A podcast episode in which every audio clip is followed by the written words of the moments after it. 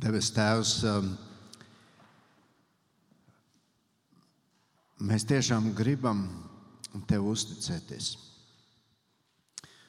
Un, uh, es ceru, ka tie nebija tikai uh, vārdi, ko mēs izdziedājām šajā dziesmā, bet uh, mēs apzināmies, ka Tu, kā varenais Dievs, kā visa radītājs, Tu nespēlējies ar mums cilvēkiem.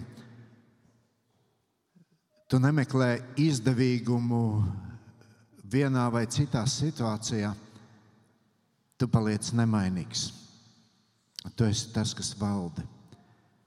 Bet uh, tu, Dievs, mums esi nolicis dzīvot uz šīs zemes, un uh, tāpēc mēs gribam arī šodien pazemībā apstājoties pie Tava vārda, mācīties, ko Tu mums māci, kā mums dzīvot šajā pasaulē, kā mums attiekties pret lietām, ar kurām mēs sastopamies,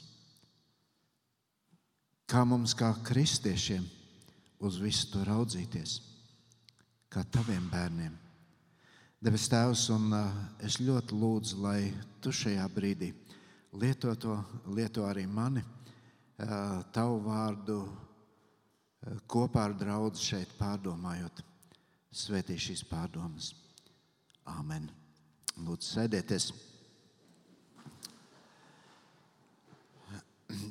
Kā jau sacīju, mēs šodien apstāsimies pie ļoti interesantas tēmas.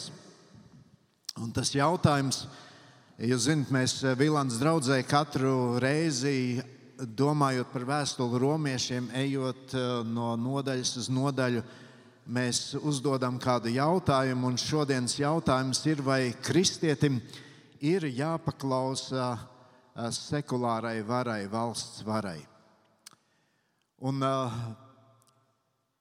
kad mēs par eh, šīm un citām lietām domājam, par tādām praktiskām lietām, kā mums, kā kristiešiem, dzīvot šajā pasaulē, tad uh, es vienmēr apbrīnoju to, cik Bībele uh, visaptveroši par šīm lietām runā.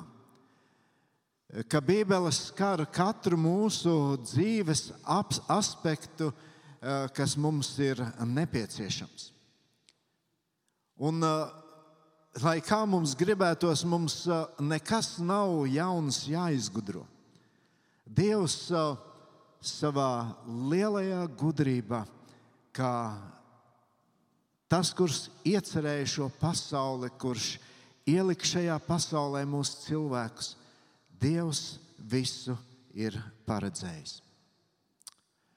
Un tie, kas sekojat līdzi arī mūsu draugai un šīm svētdienām, tad mēs esam pārgājuši pie tādas praktiskās daļas, un jau 12. nodaļā, iepriekšējā, ko mēs kopīgi pārdomājam, mēs runājām par to, kādai ir jābūt tādai patiesa kristiešu dzīvei šajā pasaulē. Kas ir tās kvalitātes, kam būtu jāizteicas caur mūsu dzīvēm? Mēs vakar vēlējām par cilvēkiem, kuri vadīs mūsu valsti turpmākos četrus gadus. Un, protams, tās mūsu domas var atšķirties. Cits varbūt ir gandarīts, cik labi, ka tā, cits neapmierināts.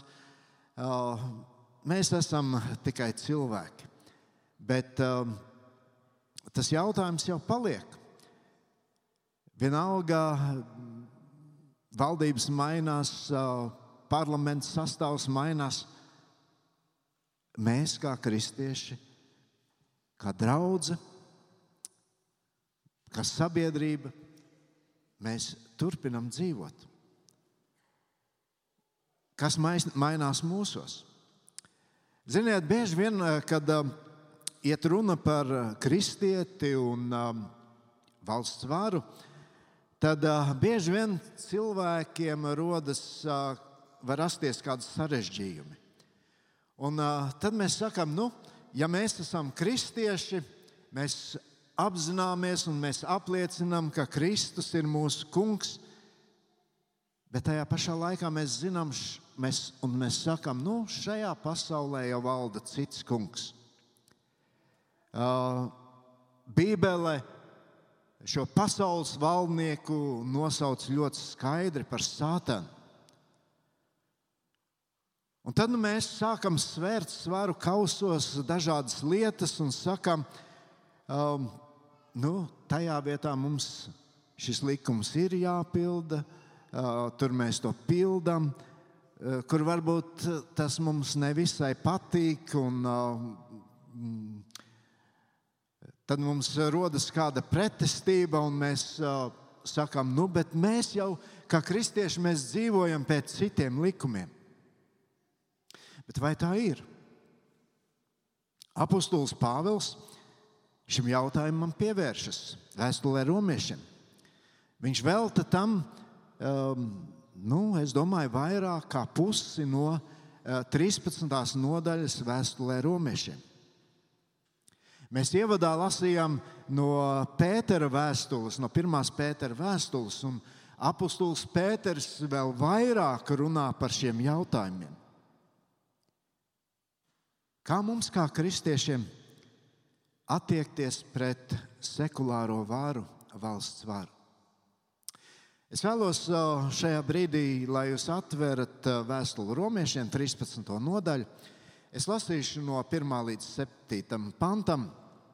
Jūs varat uh, pasakot līdzi 13. nodaļa, no 1 līdz 7 pantam. Apostols Pāvils raksta, ik viens lai ir uh, paklausīgs augstākām varām, jo nav citādas varas kā viena no dieva. Un tās, kas ir, ir dieva ieceltas. Tas, kas pretojas varai, saceļas pret dieva iedibināto kārtību. Bet tie, kas saceļas paši sev, izpelnās sodu. Jo no valdītājiem nav jābīstas, kad dara labu, bet vienīgi, ja dara ļaunu. Tu negribi baidīties no virsvaras. Dari, kas labs, un tu saņemsi no tās uzslavu. Valdītājs ir Dieva kalps tev pašam par labu. Bet, ja dari ļaunu, bīsties, jo nevelti viņš nes zobenu. Viņš ir Dieva kalps, kas bardzībā atmaksā tam, kas dara ļaunu. Tādēļ pakļauties pienākas nevien bardzības, bet arī sirdsapziņas dēļ. Tādēļ jūs maksājat nodokļus, bet valdītāji ir Dieva kalpotāji kas to uzrauga. Dodiet ikvienam, kas tam pienākas, kam pienākas nodokļi, nodokļus, kam muita, muitu, kam bijība, tam izrādiet bijību, kam pienākas cieņa, tam cieņu. Es domāju, ka lielākajai daļai no mums jau šie vārdi ir pazīstami. Un, uh, mēs zinām, jā, tā ir rakstīts Bībelē. Bet, ja mēs skatāmies kristietības vēsturē, tad mēs redzam, ka tur ir ļoti dažāda attieksme pret šo jautājumu, kā mums, kā kristiešiem, ir jāizturas attiecībā pret sekulāro varu. Mēs zinām vēsturi, ka pirmajos trīs gadsimtos pēc Kristus dzimšanas kristieši tika nežēlīgi vajāti no valsts varas. Mēs varam to lasīt kaut vai apakstuļu darbu grāmatā. Vēlāk, kad Bībele vairs mums neapraksta šos notikumus ar kristiešiem, kristiešu apstākļi kļuva vēl sarežģītāki. Mēs no kristietības vēstures zinām, ka šīs vajāšanas pieņēmās vēl vairāk spēkā, un vēl vairāk kristieši tika nogalināti savas pārliecības dēļ. Un tad ir 4. gadsimts, vēsture saka, 315. gads kad imperators Konstantīns pieņem kristietību un uh, viņš padara kristietību par valsts reliģiju. Mēs varam teikt, ka nu, kristieši varēja uzelpot. Ja? Sākās tādas jaunas kristietības un valsts attiecības, bet uh, kas notika? Oficiālā baznīca kopā ar valsts varu sāka vajāt nekristiešus, jeb pagānus. Viņi pielietoja tās pašas metodes, kāda valsts vara pielietoja pret um, kristiešiem pirms tam. Un faktiski šī vēršanās pret citādi domājošiem um, notika līdz pat reformācijai.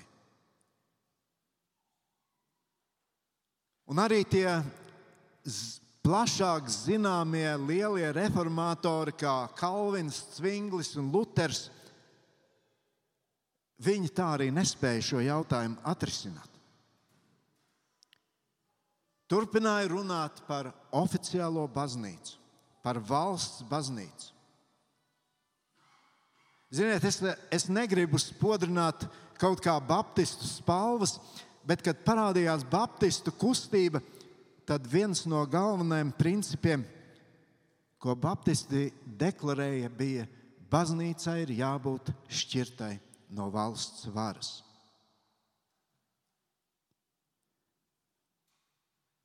Ko mēs redzam šodien?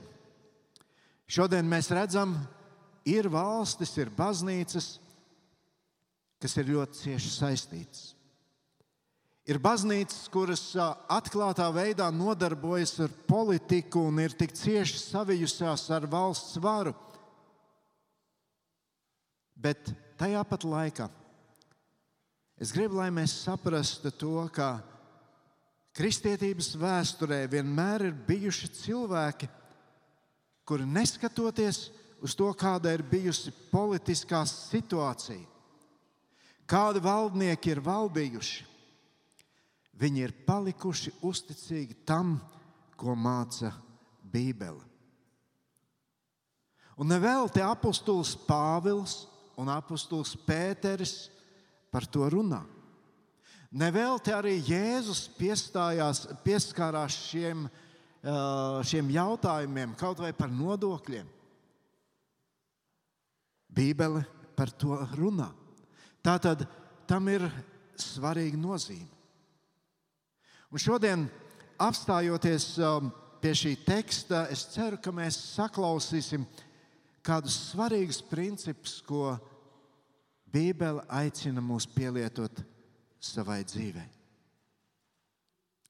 Vispirms es gribu kopā ar jums uh, apskatīties to, ko tad Bībele saka par valsts varu. Apostols Pāvils arī ar to sāk, ka mums ir jābūt pareizam skatījumam uz varu, un tāpēc ir svarīgi zināt, ko Dieva vārds saka par valsts varu. Un es uzreiz gribu, lai mēs tiktu skaidrībā par to, ka Bībele ļoti skaidri nodala valsts varu un šīs pasaules valdnieka sātana varu. Tas nav viens un tas pats. Valsts varu iedibināja pats Dievs. Bet es tajā pašā laikā gribu teikt, ka bieži valsts vara var kļūt par instrumentu sātana varai. Bieži valsts vara var būt uh, kā tāds instruments, lai īstenotu sātana varu šajā pasaulē. Un Bībelē mēs arī atrodam, ka Bībele runā ļoti skaidru valodu par šo lietu. Efeziešiem 6. nodaļa, un tur no 10. panta par to ir runāts. Mums zinām šie vārdi lielākajai daļai, kur Pāvils saka, un beidzot, esiet stipri kungā un viņa varanā spēkā. Bruņojieties ar visiem dieva ieročiem, lai jūs varētu stāties pretī vēlna viltībām. Tātad mums, kā kristiešiem, dzīvojot šajā pasaulē, ir jāapzinās, ka vēlns mums uzbruks. Vēlns uzbruks mums, mūsu līdzcilvēkiem, uzbruks draugiem. Tas būs. Tā, Pāvils saka tālāk, jo mūsu cīņa nav pret miesu un asinīm, bet pret varām un spēkiem, pret šīs tumsas pasaules valdniekiem un ļaunuma garas spēkiem debesīs.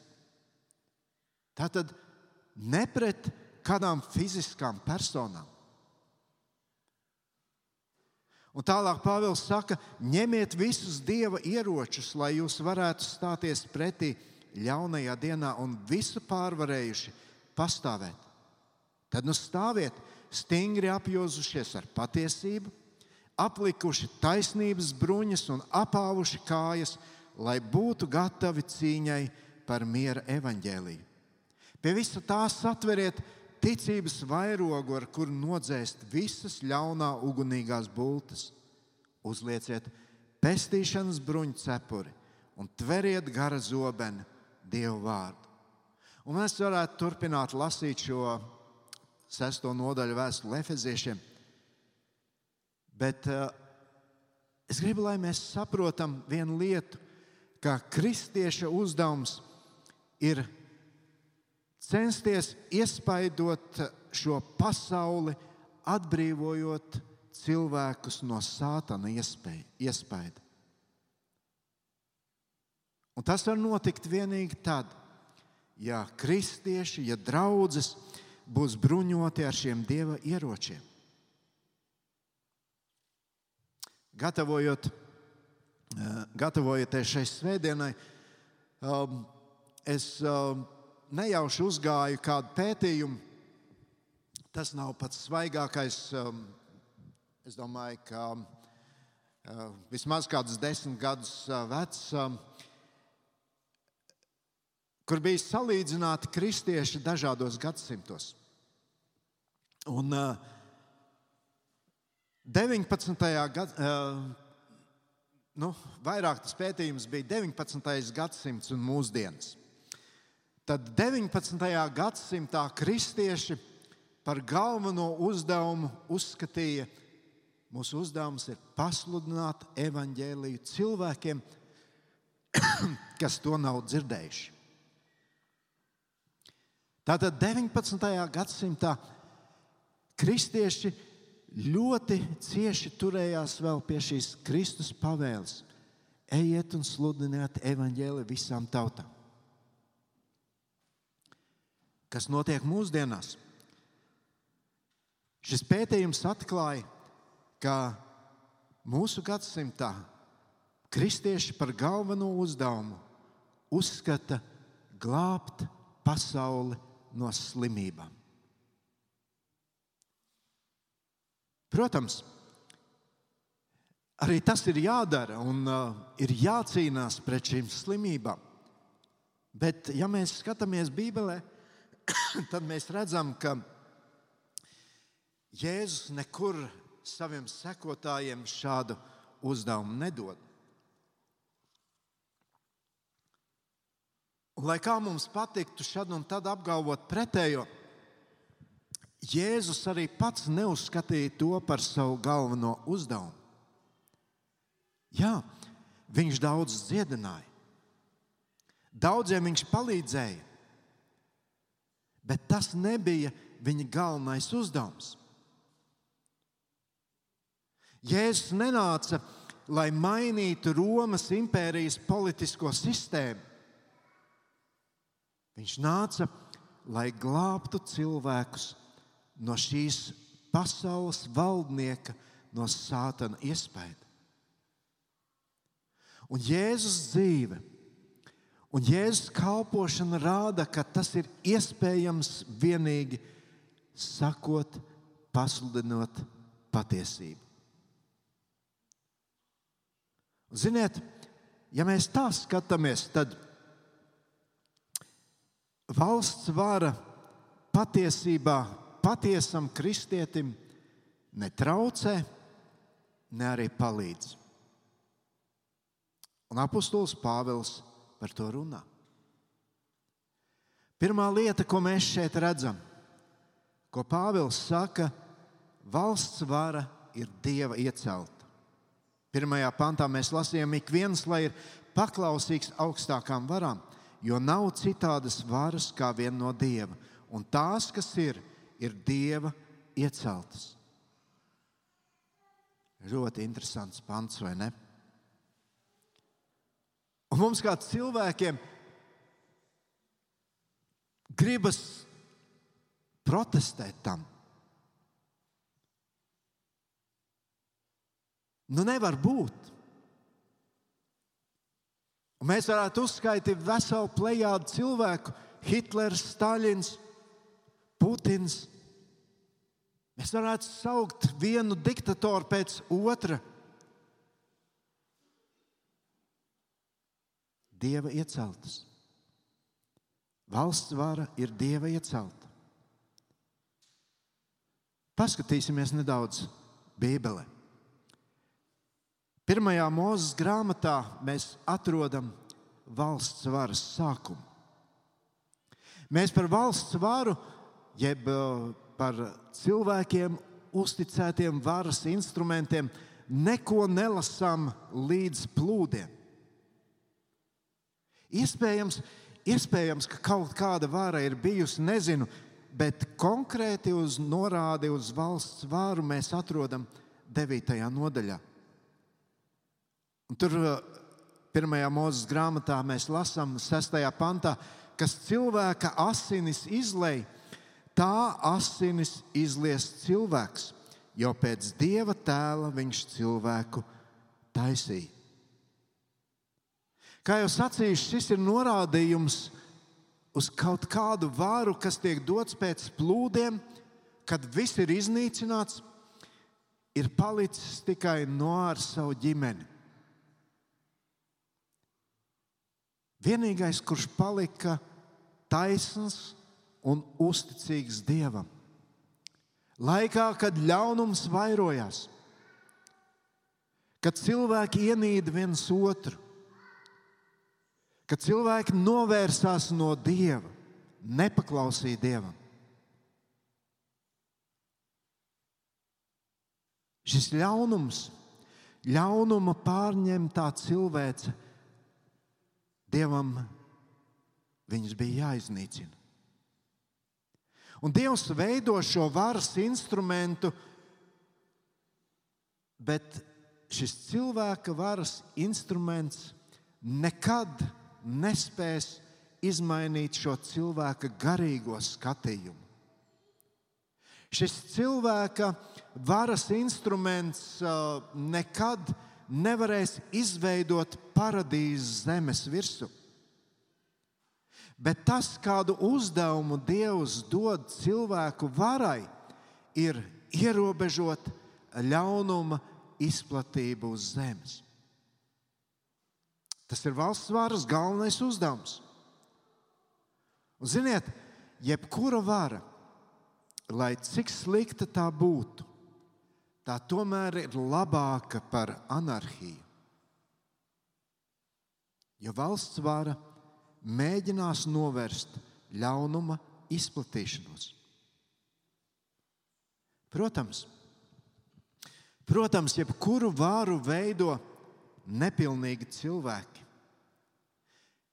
Jebkura vara pieņem nepilnīgus lēmumus. Bet iedomājieties, ja vienā dienā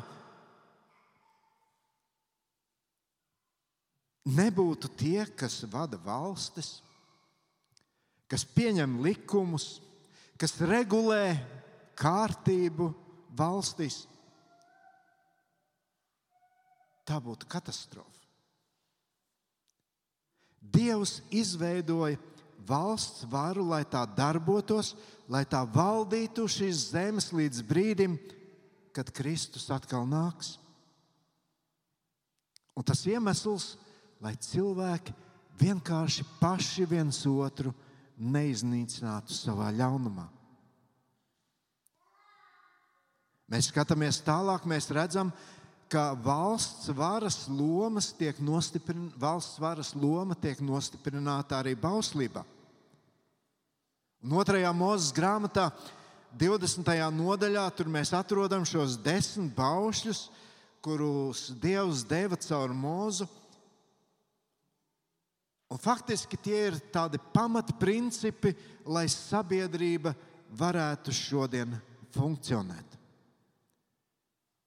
Un tad ir 21. nodaļa, un tur ir šie dažādie noteikumi, likumi.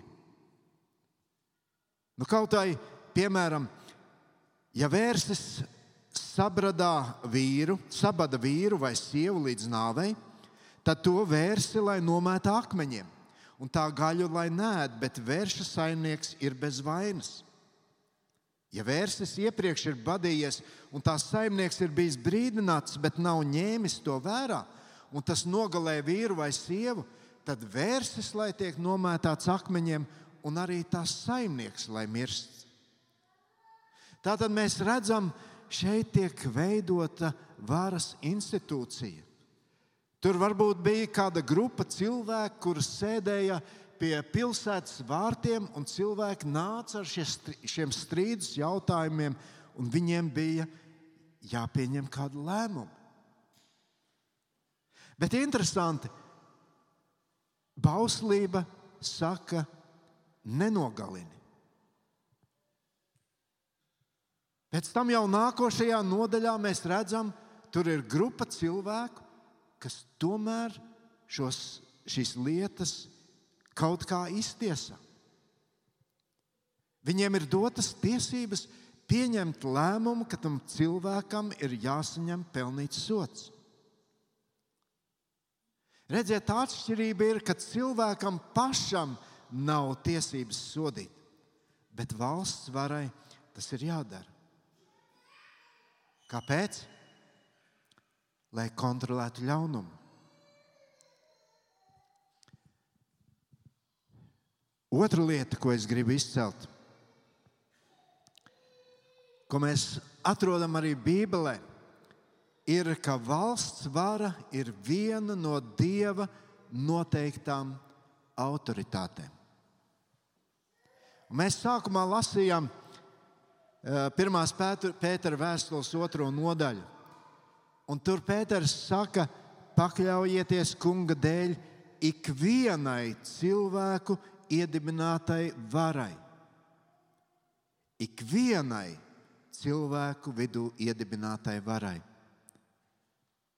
Un tālāk mēs redzam to uzskaitījumu, tur ķēniņš, valdītāji, darba devēji. Ja mēs lasītu tālāk šo nodaļu, tad tur mēs lasām, tur ir vīrs kā ģimenes galva.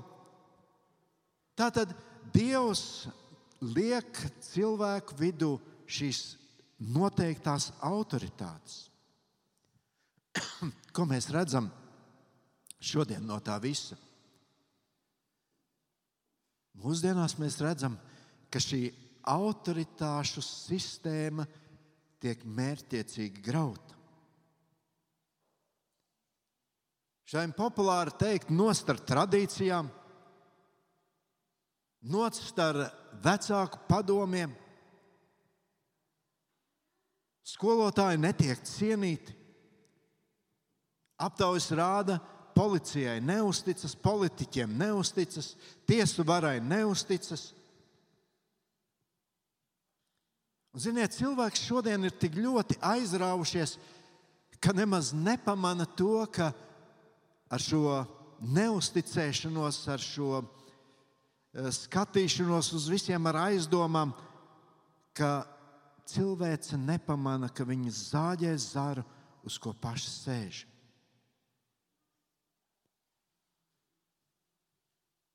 Soli pa solim. Bērni nepakļaujas vecākiem, skolēns skolotājam, sievu vīram, pilsonis valsts varai. Jā, nav ideāli cilvēku. Katrs kļūdās. Bet problēma ir tā, ka tiek soli pa solim sagrauta šī dieva noteiktā autoritāšu sistēma. Un tā kā sniega bumba veļas no kalna un parauž sev līdzi arī visu citu. Dievs noteica šīs autoritātes, kurām cilvēkiem vajag pakļauties. Vēl viena lieta, ko gribu uzsvert. Bībele runā par to, ka valsts vara nav ideāla. Nav ideāla uz šīs zemes. Kā jau es teicu, Dieva iecerē nebija ar valsts varu radīt paradīzes zemes virsmu. Cilvēki paši to izsapņo, ka viņi varētu to izdarīt. Nē, valsts vara tika radīta, lai ne, cilvē, ļaunums neiznīcinātu cilvēci. Un es nekur Bībelē, ne vecajā, ne jaunajā derībā neredzu šos norādījumus, ka man kā kristietim ir jāmaina kaut kādā veidā šī valsts iekārta, jeb šī valsts vara. Interesanti, ka Bībelē mēs lasām par dažādiem sabiedrības slāņiem, mēs lasām par kalpiem un kungiem, mēs lasām par vergiem un brīviem. Un tad man liekas, bieži vien, kad par to domāju, nu, Pāvils, Pēter, vai tu nesaproti, ka būt vergam ir slikti? Nu, protams, ka viņi saprata. Arī viņi zināja, ka brīvam būt ir labāk. Un mēs lasām 1. korintiešiem 7. nodaļā, kur apustulis Pāvils saka, ka katrs lai paliek tāds, kāds bija, kad tika aicināts. Ja tika aicināts vergs būdams, neesi nobažījies, bet ja vien rodas iespēja tikt brīvam, izmanto to kas būdams vergs tika aicināts kungā, ir brīvlaistais kungā, tāpat kā tas, kas brīvs būdams tika aicināts, ir Kristus vergs. Jūs esat dārgi atpirkti. Netopiet par cilvēku verbi, vergiem. Ik viens brāļu, lai paliek Dieva priekšā tāds, kāds viņš bija, kad tika aicināts. Pāvils arī šeit ļoti skaidri saka, ir kaut kas daudz svarīgāks par to politisko situāciju, par politisko iekārtu. Jā, brīvam būt ir labāk nekā vergam. Ja tu dabū šo brīvību, izmanto to, esi brīvs. Bet tajā pašā laikā viņš saka, ja nav tādas iespējas, tad esi tas, kas esi. Un tad, kad mēs skatāmies arī mūsu tautas vēsturē, kādas iekārtas tik mēs, kā latviešu tauta, neesam piedzīvojuši. Tās var mainīties, un mēs vienalga secinām, cilvēki nav apmierināti. Būs vienmēr kas pukstēs, Būs vienmēr kas ilgosies pēc aizgājušiem laikiem. Un tas tikai rāda, ka neviena valsts vara nebūs ideāla. Vakar mēs arī gājām vēlēt, ko mēs ievēlējām. Eņģeļus? Nu, nē, taču. Mēs ievēlējām tādus pašus cilvēkus, nepilnīgus cilvēkus. Un cilvēkiem ir raksturīgi domāt vairāk par sevi nekā par citiem. Tad, nu, ko tad Bībele saka? Kā mums, kā kristiešiem, attiekties pret sekulāro varu, pret valsts varu? Es jau teicu, ka Bībele nekur neaicina kristiešus mainīt politisko iekārtu. Atcerieties, Jēzus ir kopā ar saviem mācekļiem. Un tur ir viņu vidū mācekļi, kuri tik ļoti cerēja, ka Jēzus to darīs. Viņi bija gatavi ņemt zobenu, cīnīties. Bet Jēzus to nedarīja. Un, ziniet, tā pirmā lieta, par ko Pāvils runā, attiecībā kā mums attiekties pret sekulāro varu. Pāvils saka, paklausiet varam. Paklausiet varam. It kā visam jābūt skaidram. Ik viens lai ir paklausīgs augstākām varām, jo nav citas varas kā viena no dieva. Un tās, kas ir, ir dieva ieceltas. Tas, kas pretojas varai, saceļas pret dieva iedibināto kārtību, bet tie, kas saceļas, paši sev izpelna sodu. Mums patīk runāt par šīm lietām. Mums patīk kritizēt, mums patīk teikt, nu, valdība dara nepareizi, parlaments pieņem nepareizus likumus, muļķīgus likumus. Mēs vienmēr burkšķam, esam neapmierināti. Un kaut kur saceļamies un sakam, nu, kāpēc man ir jāpakļaujas tādiem lēmumiem un likumiem? Un cilvēks vienmēr atrod kādus iemeslus, kādus attaisnojumus, lai nepaklausītu, lai ignorētu. Bet Dieva vārds šeit skaidri pasaka, tas, kas pretojas varai, saceļas pret Dieva iedibināto kārtību, bet tie, kas saceļas paši sev, izpelna sodu. Es varu tikai vēlreiz atkārtot, valsts vara nekad nebūs ideāla. Likumi nekad nebūs taisnīgi. Nodokļi vienmēr būs par augstiem. Bet ir jautājums, vai es kā kristietis cenšos šos likumus ievērot? Vai es maksāju nodokļus, vai es kā kristietis respektēju šo dieva iecelto valsts varu? Galu galā jautājums ir, vai mana attieksme pagodina Dievu, kurš šo kārtību ir iedibinājis. Protams, protams, tad jau rodas arī vēl viens jautājums, ko darīt tad, ja valsts vara pieņem likumus un lēmumus, kas ir pretrunā ar Bībeli? Un mēs arī sastopamies ar šādām situācijām. Ko darīt, ja tiek klāji pārkāpti dieva principi, ja tiek klāji pārkāptas dieva nospraustās robežas?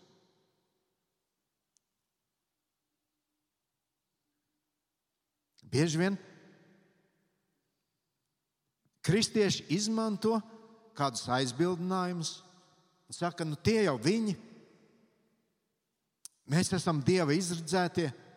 Jā, ja likums liek man darīt grēku, tad es to varu nepildīt. Ja likums liek man atbalstīt grēku, tad es varu nostāties pret šo likumu. Bībele par to runā. Atcerieties, apakstuļu darbos. Tur ir apakstuļi, viņi sludina evaņģēliju, un viņi tiek arestēti un vesti valdības priekšā, ka viņi runā par Kristu. Mēs tur lasām 4. nodaļā, kur viņus pieaicinājuši, tie viņiem stingri aizliedza Jēzus vārdā runāt un mācīt. Bet Pēters tiem atbildēja, redziet, nu, notiek šis dialogs starp šo valdību un starp kristiešiem, mācekļiem. Viņi saka, spriediet paši, vai Dievu priekšā ir taisnīgi jūs vairāk klausīt nekā Dievu. Mēs nevaram nerunāt par to, ko paši esam redzējuši un dzirdējuši. Kāpēc?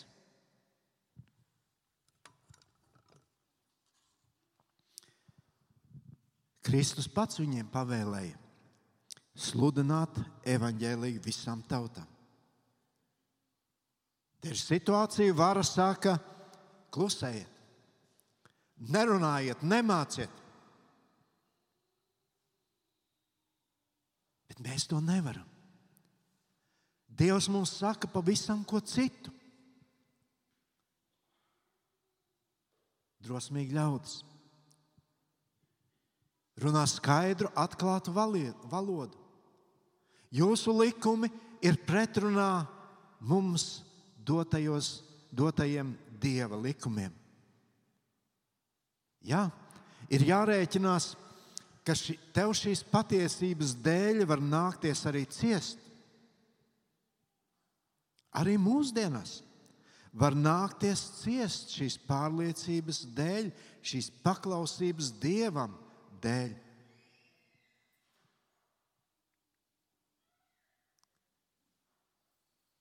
Bieži vien mēs meklējam aizbildinājumus tur, kur tie nav jāmeklē.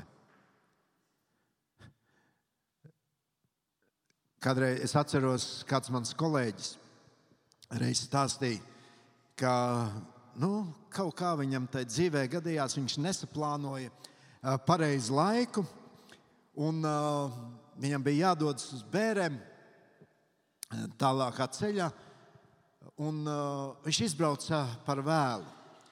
Braucot, viņš saprot, nu, es vairs nepaspēšu. Cilvēki būs sadākuši, es vairs nepaspēšu laikā aizbraukt. Tā viņš skatās pulkstedī, skatās spidometrā, viņš ir ģērbies kolāra kleklā un brauc. Tas gāzes pedāls spiežas ar vien vairāk, lai tikai paspētu, lai tik paspētu.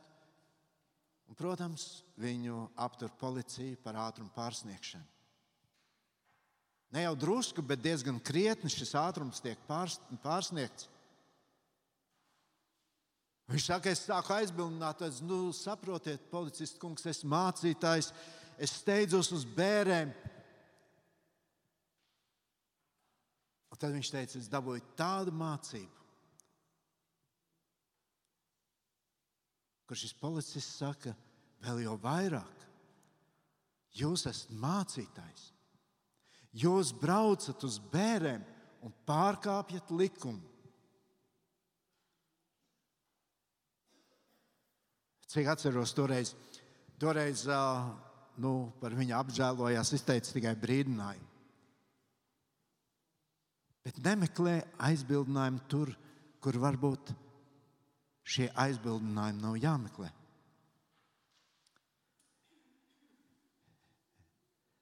Un otra lieta. Tā pirmā lieta bija paklausiet varam. Otra lieta, ko Pāvils saka, dari to, kas labs. Dari to, kas labs. No 3. līdz 5. pantam mēs lasām, jo no valdītājiem nav jābīstas, ka dara labu, bet vienīgi, ja dara ļaunu. Ja tu negribi baidīties no virsvaras, dari, kas labs, un tu saņemsi no tās uzslavu. Valdītājs ir Dieva kalps tev pašam par labu, bet, ja dari ļaunu, bīsties. Jo nevelti viņš nes zobenu, viņš ir Dieva kalps, kas bardzībā atmaksā tam, kas dara ļaunu. Tādēļ pakļauties pienākas nevien bardzības, bet arī sirdsapziņas dēļ. Atcerieties arī ievadu lasījumu.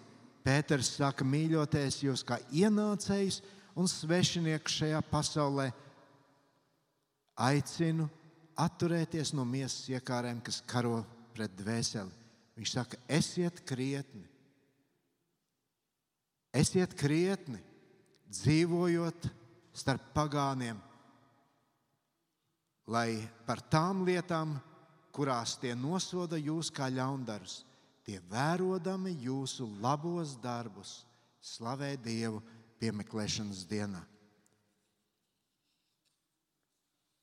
Tas ir veids, kā mēs, kā kristieši, šodien varam ietekmēt pasauli. Darīt labus darbus kurus redzot, cilvēki slavēs Dievu. Bet, ziniet, vienmēr vēsturē, un arī šodien,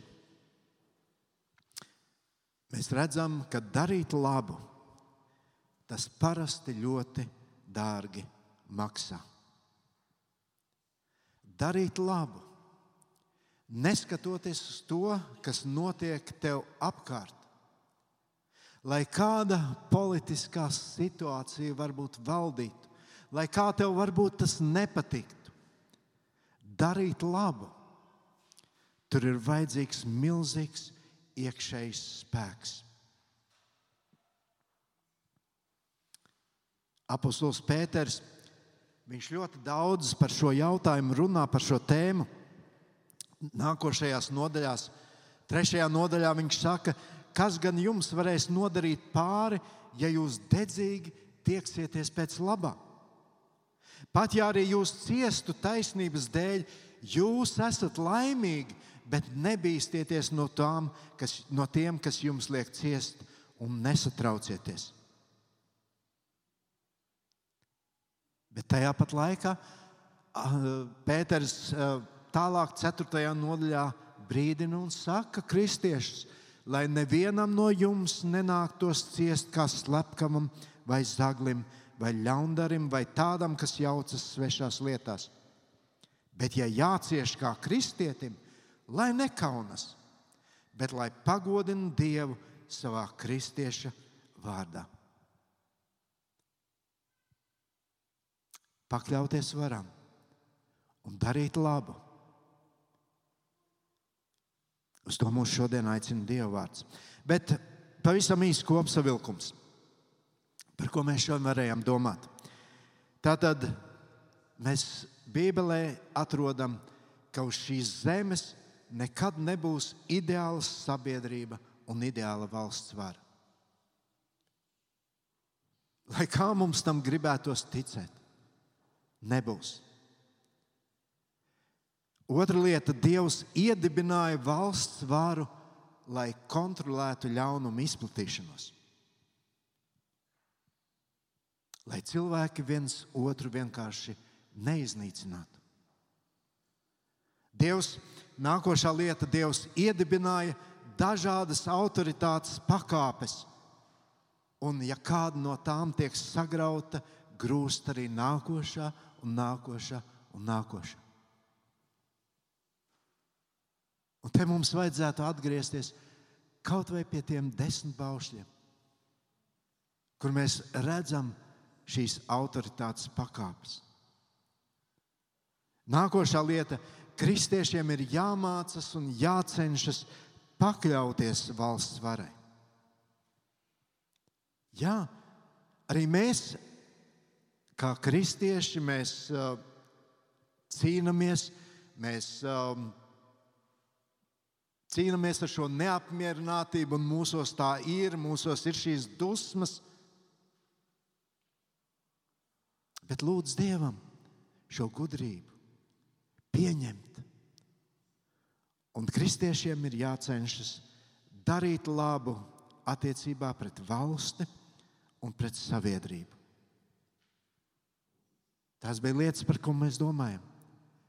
Un atcerēsimies, ja mēs gribam būt ar ietekmi, ja mēs gribam, lai evaņģēlijas maina šodienas pasauli, lai mēs piepildītu šo Kristus doto uzdevumu, apliecināt evaņģēliju visai pasaulē, tad šīm lietām ir jākļūst par daļu no mūsu kristiešu dzīves.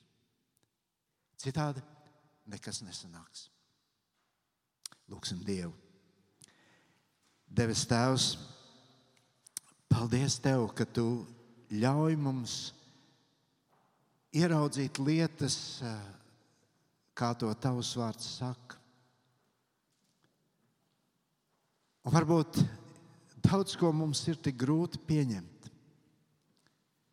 Daudz kur mums liekas, ka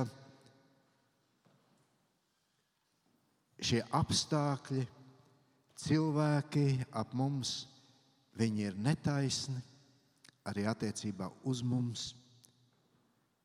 Bet, kungs, paldies, ka tu savā vārdā arī šīs lietas esi paredzējis.